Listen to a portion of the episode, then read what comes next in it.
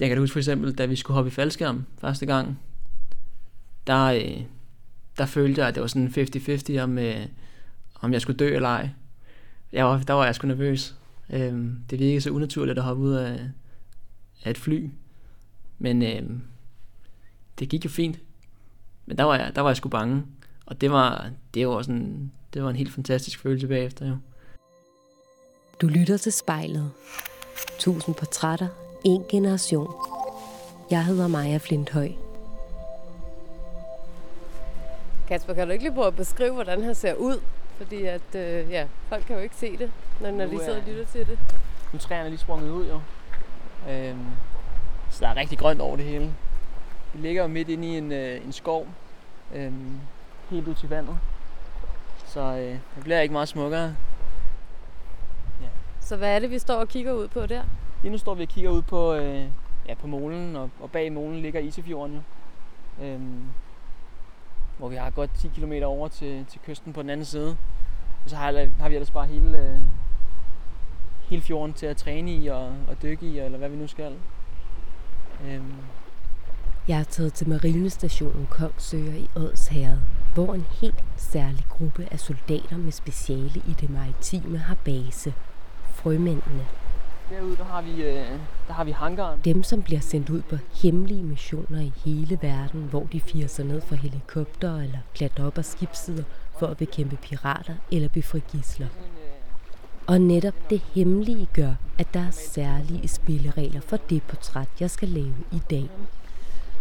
Jeg tænker måske, at vi lige skal få det med navnet på plads først. Ja. Fordi, hvad skal jeg kalde dig? Jamen, øh, du kan kalde mig Kasper. Kasper. Kasper, kan du ikke lige prøve at sige, hvorfor er det, jeg egentlig ikke må kalde dig dit øh, rigtige navn? Det må du ikke, fordi øh, at anonymiteten øh, betyder ret meget for mig. Og det er både af personlige og professionelle årsager, at, øh, at jeg helst ikke vil bruge mit private navn og mit formandsnavn på den sags skyld. Så siger vi Kasper. Men Kasper, kan du ikke øh, prøve at give mig en rundvisning? Hen til højre, der ligger vores øh, patruljerum.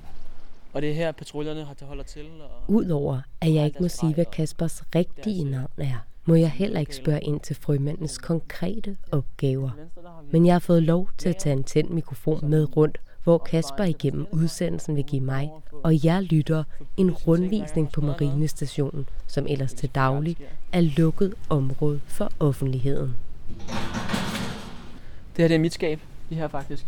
Hvor jeg har min, øh, min tørdragt og en, en klatresæl. Så lige åbner op her, og så har jeg alverdens handsker. Øh, handsker, jeg bruger til fast rope. Øh, hvor man ligesom glider ned af et, øh, et tykt tårn fra en helikopter. Det kan både være til lands, men også på et skib. Hvis man flyver hen til, til skibet med helikopteren, og så bare glider ned ad tårn, hvis det nu ikke kan lande på, på skibet, eller det bare skal gå rigtig stærkt. Så har jeg mine finner og en dybdemåler og nogle flere tørdragter og våddragter. Er det, er det et rigtigt gu- gevær, eller hvad, hvad er det der? Nej, det her det er, det er bare sådan et træningsgevær. Det lærer man jo rigtig hurtigt på uddannelsen, at, øh, at metal det ruster helt forfærdeligt i saltvand.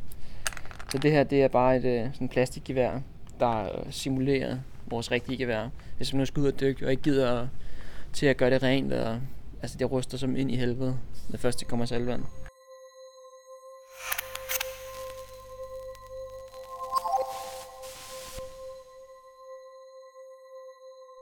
Kasper, det er det, vi kalder dig. nu skal du i spejlet. Hvordan øh, har du det med det? Jeg føler mig lidt, øh, lidt selvfed lige nu. Men øh, det er måske også okay.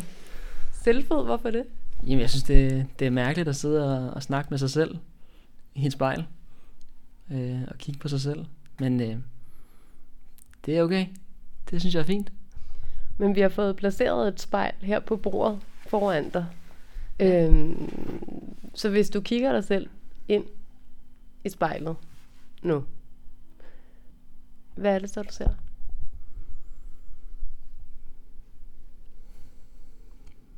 Jeg ser mig selv der, hvor øh, jeg havde drømt om at være, tror jeg.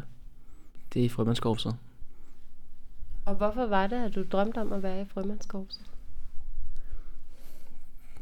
Det, det har altid været et svært spørgsmål for mig. Jeg har altid øh, beskrevet det som lidt en følelse.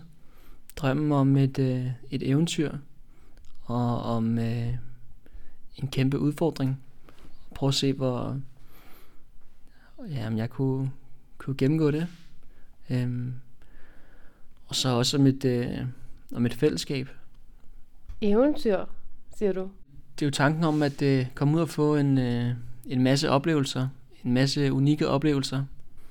Flyve helikopter om natten. Øh, og blive ja, fast ned på et skib. Eller komme ud og køre sneskuter i, i Nordnorge med ens bedste kammerater. Det har bare været et, øh, et vidt spektrum af, af oplevelser, jeg aldrig nogensinde havde kunne drømme om at få øh, andre veje igennem, tror jeg. Jamen i dag, der hedder jeg øh, Kasper, og øh, jeg er 25 år gammel. Jeg er frømand, og øh, har været det i godt og vel to år nu. Hvor gammel var du, da du, da du søgte ind? Jeg var øh, 21 første gang, jeg søgte ind. Og så søgte jeg ind og blev optaget igennem de, de første to øh, optagelsesprøver, der var. Som egentlig bare var nogle, nogle fysiske tester, nogle, nogle skriftlige prøver og, og lidt af hvert.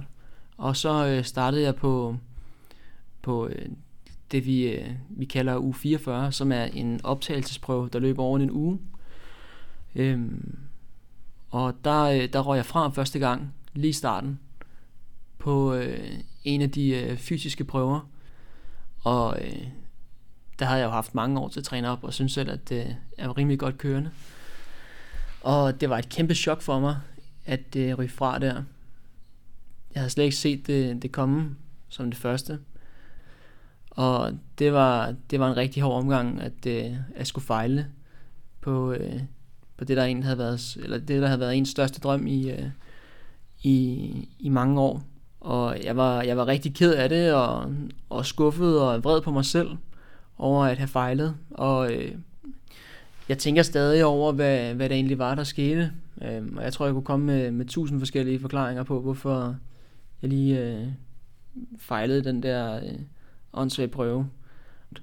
Jeg var super nervøs, og øh, når jeg tænker tilbage på det nu, så ser jeg det ikke som noget negativt. Det at fejle på den måde var, øh, var i øjeblikket rigtig hårdt, men der er ikke noget, der er så dårligt, det er ikke er godt for noget heller jo. Det var en rigtig god læring at prøve at fejle på den måde der. Og så skulle øh, ligesom øh, sige til sig selv, at øh, jamen, har du så tænkt dig at stoppe nu? Eller vil du bare prøve igen, indtil det lykkes? Og så øh, relativt kort tid efter, et par dage senere, der besluttede jeg mig for, at så, øh, så søger jeg bare igen næste år. Og det gjorde jeg så, og kom igennem der. Er du en person, der ikke kan lide at fejle? Det er jeg. I den grad. Jeg, jeg er blevet noget mere afslappet omkring det. Men der er ikke nogen tvivl om, at det, jeg er et øh, kæmpe konkurrencemenneske. Øhm, og jeg har været rigtig dårlig til at fejle. Øh, eller, altså, jeg har nok været fint nok til at fejle, men ikke så god til at, øh, at være i det. Øhm, men det, øh, det synes jeg sgu egentlig, man, det, lærer jeg, det har jeg lært at blive lidt mere afslappet i, synes jeg. Ja, men det har også været, det skulle også været, øh, været hårdt, især under elevskolen, at være konkurrencemenneske. Fordi øh, man, kan ikke være, man kan ikke være bedst til det hele. Øhm, så der er øh, hele tiden ting, man kommer til at fejle i, og være dårligst i, og fuck op i. Og det, øh, hvis man ikke lærer at, at være i det, og sige, at det er okay, øhm, så, øh, ja, så får man det rigtig, rigtig hårdt. Da du søgte ind, og da du startede med at komme ind, altså var du så sådan en type, der skulle være bedst til det hele? Det vil jeg gerne være, ja. Ja, det tror jeg, jeg har været hele mit liv, for at være helt ærlig. Øhm, men det er, det er heldigvis stillet noget af, synes jeg. Og jeg er begyndt at blive noget mere komfortabel med ikke at være den bedste hele tiden. Derude der har vi, øh, der har vi hangaren ude i knækket ved molen. Og øh, helt ud for enden af molen, for enden af knækket, der ligger øh, grønne fyr. Og det er sådan en, øh, ja det er nok sådan en, øh, en normal begivenhed, at man lige skal rende en tur derude, ud rundt om øh, grønne fyr og så tilbage igen som elev. på et tidspunkt som, øh, som elev, der, øh, der havde vi, øh, vi havde lavet en eller anden øh, åndssvag konkurrence. Og øh, mig og min kammerat havde så tabt. Og så tror jeg, vi havde vundet, øh, vundet eller tabt, øh, ikke, to ture ud om øh, Grønne Fyr. Øh, hvor vi skulle øh, kravle op i flagstangen, eller undskyld, lygtepælen, der er derude på hver tur, og så råbte jeg en kæmpe taber. Og øh, der var jeg jo den, øh, den smarte elev og tænkte, prøv at det glemmer de. Og øh, der gik så fem uger, og så øh, var det instruktøren, der spurgte ind til, øh, skyldte de egentlig ikke øh, nogle løbeture ud til, til Grønne Fyr? Og der måtte jeg så gå til bekendelse sammen med min kammerat, der siger, åh, det gjorde vi sgu. Og øh, så er der det med, med elevskolen, at man har en rimelig høj rente på de der ting, man skylder. Så det bliver fordoblet hen over, øh, over weekenden. Så to ture var blevet til 32 ture. Så det løb vi øh, 32 gange 800 meter. Det var selvfølgelig oven på alt andet træning, vi også havde om morgenen. Og, ja, og den røvtur, vi kom på om aftenen. Der var jeg godt balleret.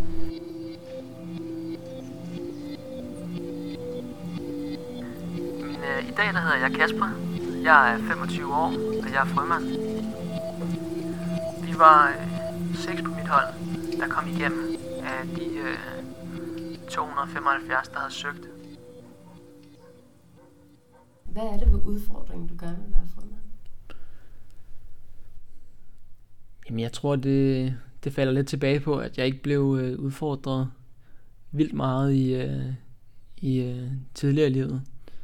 Og øh, jeg har altid godt kunne lide at presse mig selv og søge nogle grænser. Og øh, så tænkte jeg bare, at det er da den perfekte mulighed. Men var det de fysiske grænser, du søgte, eller hvordan? Jeg tror egentlig mere, det har været det, det mentale i det. Øhm, fordi det, det er sgu relativt nemt at komme til den fysiske grænse. Øhm, men mere det der med at, øh, at prøve at udfordre sig selv øh, mentalt og, øh, og øh, ja, se hvad man, hvad man kan klare.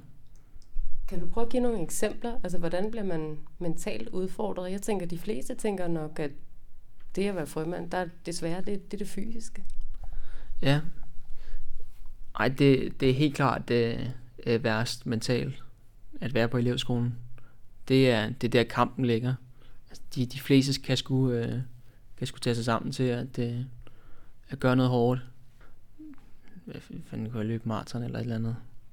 Udfordringen ved elevskolen, det er at gøre det dag ud og dag ind. Og vide, at dagen i morgen, den bliver super træls. Og vide, at de næste fem måneder bliver rigtig, rigtig træls. Og så, øh, og så stå op om morgenen og gøre det alligevel. Fordi det, det er sgu okay at, at gøre det en gang eller to gange. Men når man skal gøre det dag ud, dag ind, i otte måneder i streg, så bliver, man, øh, så bliver man rigtig træt. Og man bliver rigtig træt af det. Og man mister al motivation. Og det eneste, man kører på, det er nærmest bare en stedighed. Men hvad fanden ikke melde fra? Ja. Hvornår har du været allermest presset psykisk? Det har jeg været... Øh, det var jeg under elevskolen cirka halvvejs igennem. Da der øh, skete noget personligt. Øh, og der røg jeg sgu helt i kælderen. Det var rigtig, rigtig hårdt, og jeg var rigtig, rigtig ked af det.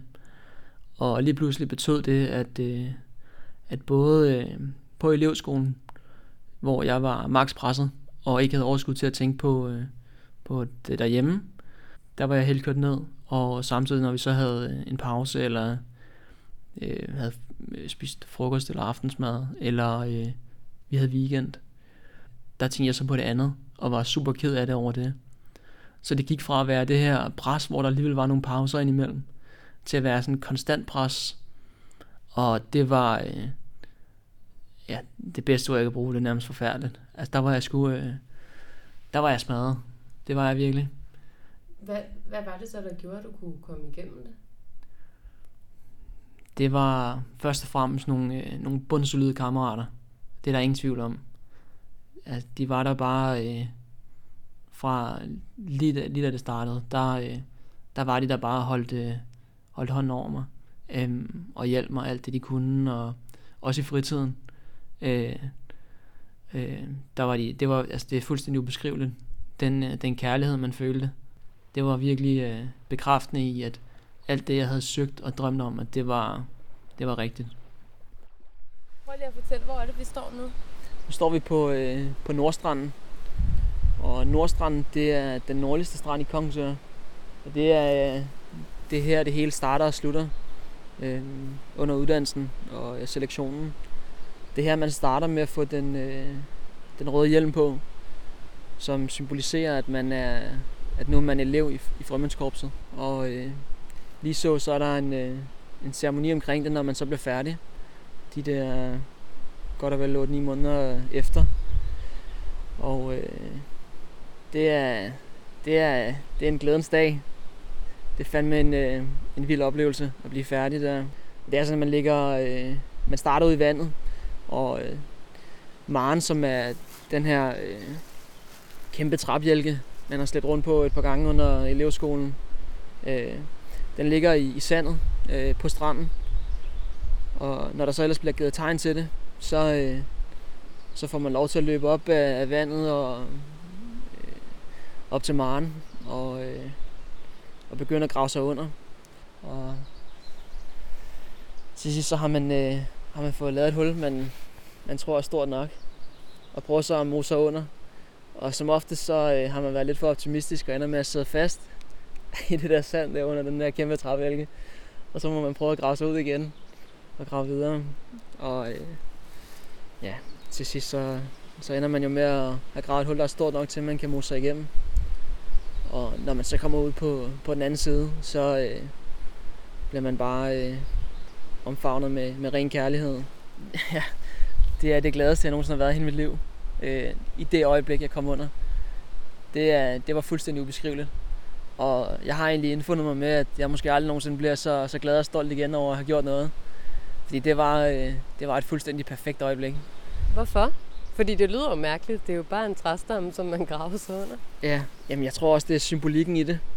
Det er den her øh, udmåning i at have, have kæmpet for noget så hårdt med alt, hvad man overhovedet har i hele kroppen. Og har, har været... Øh, ja, jeg har aldrig nogensinde været presset så, så meget, som jeg har under, under uddannelsen. For mig, der var det sgu at leve i... Næsten i leve i frygt. Øh, ja, man er virkelig... Øh, man føler, at instruktørerne har, der, har ens, øh, ens, ens største drøm i, øh, i hænderne. Jeg hedder Kasper, og jeg ser mig selv i spejlet. Hvad er en god frømand?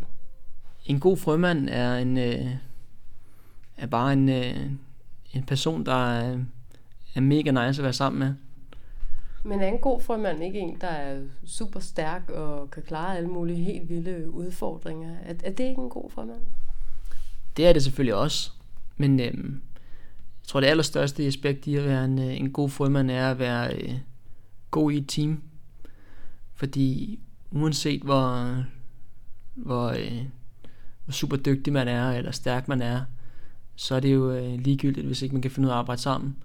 De opgaver, øh, vi løser, det er, det er teamopgaver som udgangspunkt. Og øh, der er det jo sindssygt vigtigt, at, at man kan finde ud af at, øh, at være en holdspiller og hjælpe hinanden og, og næsten allervigtigst, at man har tillid til hinanden. Der er en, virkelig, virkelig dyb tillid til ens øh, hvad kan man sige, holdkammerater heroppe. Og øh, det er bare sindssygt vigtigt, at man stoler på hinanden. Når man står i situationer, hvor at det ja, i værste tilfælde kan være liv eller død, så er det bare øh, vigtigt at vide, at øh, uanset hvad der sker, så, øh, så tør jeg lægge mit liv i hænderne på ham, der står ved siden af. Har du stået i situationer, hvor du konkret har lagt dit liv i andres hænder? Mm. Både og, vil jeg sige. Jeg synes aldrig, der har været noget, der har aldrig været noget, hvor jeg har følt mig nervøs, på nogen måde overhovedet i hvert fald. Øhm, der har været situationer, hvor øhm, man har været afhængig af, at øh, ens kammerat udfører ens opgave, eller sin opgave, øh, for at man ligesom kommer uskadt hjem, hvis man øh, selv har fucket op.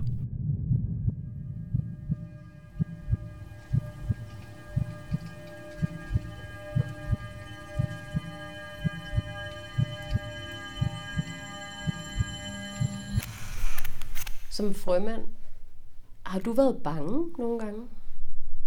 Det har jeg mange gange, og det, øh, det tror jeg også stadig, jeg bliver øh, af og til. Øhm, der er der stadig øh, tidspunkter her nu, hvor vi træner i patruljerne af og til, hvor jeg godt kan lide, eller hvor jeg kan, godt kan blive lidt bange. Øhm, men det synes jeg også er fedt. Jeg, øh, jeg kan godt lide at søge de der grænser der, og en af de bedste følelser, jeg kender, det er også det at være bange, og så øh, sige, øh, nu gør jeg det sgu alligevel, og så, øh, og så gør det. Fordi den følelse, man får bagefter, det er, det er en rigtig god følelse, synes jeg.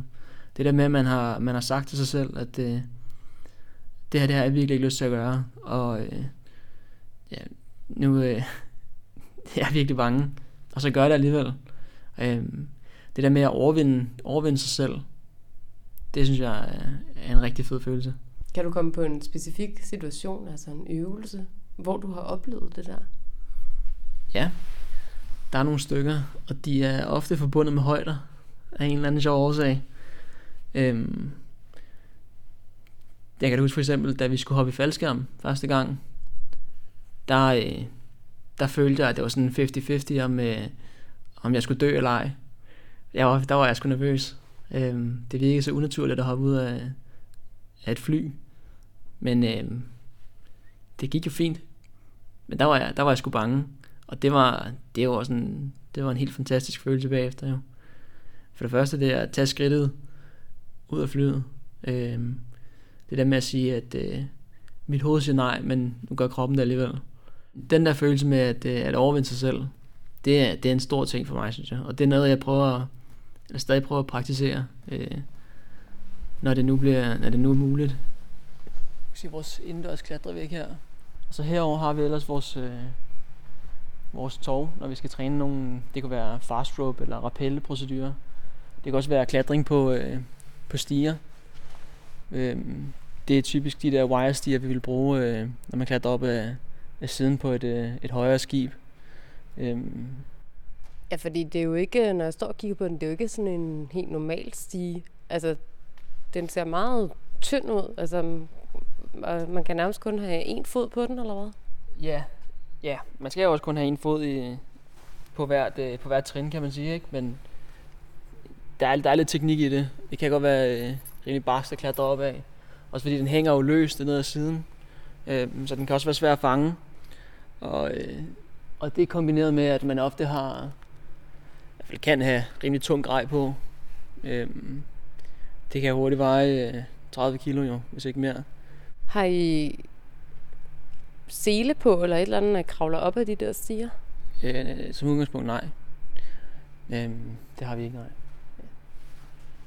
Og hvor højt er der op der? Her er der 8 meter, men øhm, fribord på, på en store containerskib kan hurtigt være, kan være langt mere, hvis det ikke er lastet tungt. Så kan det jo godt være op imod 20 meter eller sådan noget. Så det højeste, vi har klatret op, det har været 17 meter eller sådan noget. Der er man også godt brændt ud i armene bagefter. Med udstyr på? Ja.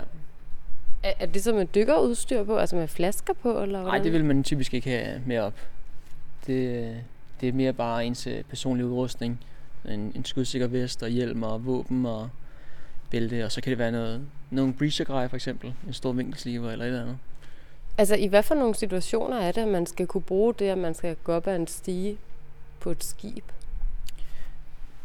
Det, øh, det kunne for eksempel være i en, øh, i en boarding situation, hvor at vi gerne vil, vil hen på et skib og, øh, og op ad siden på det. Det kan være, øh, at der er nogle pirater ombord, eller det kunne være en eller anden årsag. Øh, så vil man typisk sejle hen til skibet, og så vil man sætte sådan en stige her op på, på reglingen med en, med en stor krog, en, ja, en lang pind er det vel bare. Og så, så hænger stigen på siden, og så klatrer man bare op ad stigen, og så, øh, så er man ombord på skibet. Hvordan kommer man op ad sådan en stige, uden at ens fjende ligesom opdager det?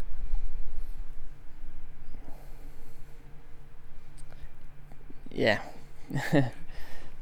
det ved jeg sgu ikke helt om, øh, om er en god idé, jeg begynder at fortælle alt for meget om. ja. Skal du lige prøve at dig på en stige, eller hvad? Jeg skal. Okay, men så, men så må du holde mikrofonen. Okay, det gør jeg. Man sætter egentlig bare en, øh, en fod i her, og så lader være med at stikke den for langt ind. Og så er det, egentlig, det er relativt simpelt, så tager man bare sådan her. Okay. Det er heller ikke det, du skal på det. Det er jo bare, hvis du har lyst til lige at prøve det. det vil jeg gerne. Og så er det altid noget rod, når, når der ikke er vægt nede i bunden. Det gør, at den, den lever meget mere. Okay. Ja. Ja, det er da meget sjovt, faktisk. Ja. Hvor højt kravlet op? Øh, op til den røde der, max, men øh, kom du lover, at du ikke falder ned. Hvordan kan jeg love det? det ved jeg ikke. Kan jeg være frumand nu? Du er i hvert fald godt på vej.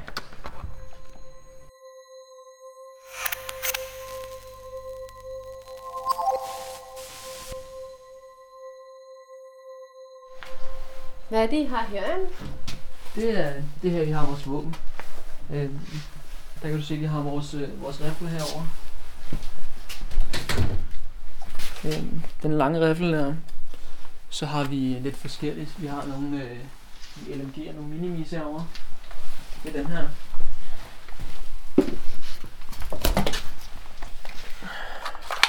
Ja. Og så har vi nogle øh, shotguns liggende herovre af. Nogle øh, 40 mm granatkastere.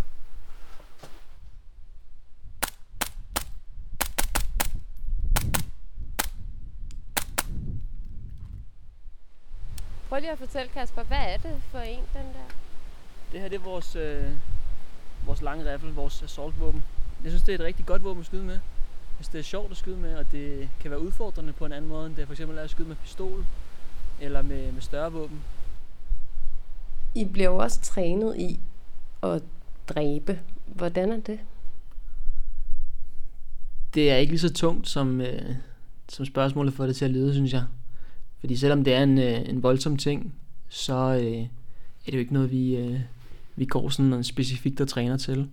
Selvfølgelig er det noget, man skal have tænkt over, tror jeg, og være klar på. Altså det er jo et, øh, et værktøj, øh, man kan blive nødt til at bruge, hvis nu situationen kræver det. Og det kan jo være, at, øh, at det at slå en person ihjel, er det, det bedste udfald af en, øh, en situation, der ellers kunne koste øh, flere mennesker livet. I øh, dag der hedder jeg Kasper. Jeg er 25 år, og jeg er frømand.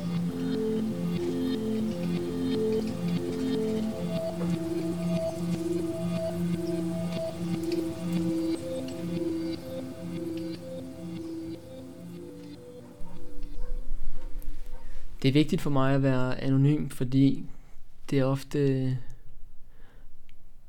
det er sådan lidt todelt. Der er både en, en professionel øh, og en personlig side i det. Og den professionelle, det er, det er rent sikkerhedsmæssigt. Der synes jeg ikke, det er nødvendigvis er, er nødvendigt, at, øh, at folk ved, hvem jeg er øh, personligt, og kan lave den kobling til, til min person, og derigennem også til, til min familie og bekendte. Øhm, der kan jo være nogen, der er uenige i det, vi gør, og det, vi står for. Og der er det bare bedre at være på den sikre side, og synes jeg personligt, at, øh, at holde sig anonym. Og, øhm, og det personlige i det, det er, at det også øh, kan være en, øh, en titel, der forpligter lidt. Hvis jeg øh, for eksempel er ude med nogle kammerater, så kan jeg enten være ude som, øh, som Kasper, eller jeg kan være ude som frømand. Og der kan det nogle gange være befriende, bare at kunne være Kasper. Øhm, så derfor så prøver jeg ofte at, at holde det nogen lidt adskilt, og, og plejer, hvis jeg kan undgå det, ikke at fortælle nye mennesker, jeg møder, hvad jeg laver i sådan lige første omgang. Øhm, plejer at finde på et eller andet andet. Øhm, men det er jo også, det er jo også træls at skulle gå og, og lyve om det. Både fordi det selvfølgelig er noget, jeg er stolt af og glad for, og det er en kæmpe del af, hvem jeg er.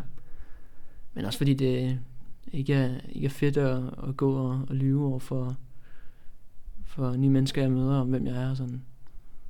Hvad, hvad gør du så, når du møder nye mennesker? Hvordan præsenterer du dig? Jamen, jeg plejer bare at sige mit, sige mit navn, og så finder jeg som oftest på et eller andet øh, studie, jeg går på, eller noget andet. Og det kunne være hvad som helst. Jeg plejer at bruge noget nyt hver gang, bare for, jeg synes, det er sjovt. Hvornår fortæller du så folk, at du er frømand? Det gør jeg, hvis jeg synes, det er, hvis jeg ved, at det er folk, jeg skal være sammen med i, i længere tid, eller folk, jeg har tillid til, eller det er måske nogen, øh, en fælles bekendt, hvor de allerede ved, allerede ved det. Øhm, så plejer jeg jo bare at sige det. Øhm, men ellers så, øh, så prøver jeg at holde det sådan lidt for mig selv. Men der er jo nok ret mange, der synes, at det er helt vildt sejt at være frømand. Altså, jeg tænker på, kan man ikke bruge det til at score med? det ved jeg sgu ikke, om man kunne. Det ved jeg selvfølgelig ingenting om.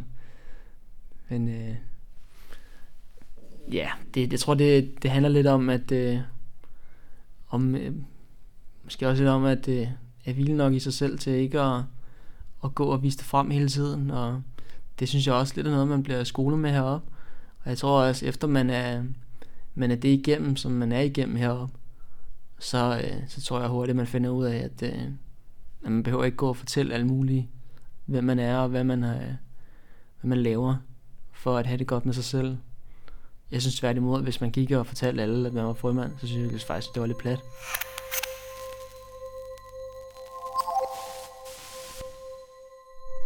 Har du nogensinde været i tvivl om, du skulle være frømand? Det har jeg været, og det synes jeg egentlig, jeg har været øh, mange gange. Jeg har været meget i tvivl øh, til tider, og jeg var da rigtig meget i tvivl der, da jeg, da jeg fejlede første gang, især om det var det, var det værd, at øh, jeg skulle bruge så meget tid på det og energi på det.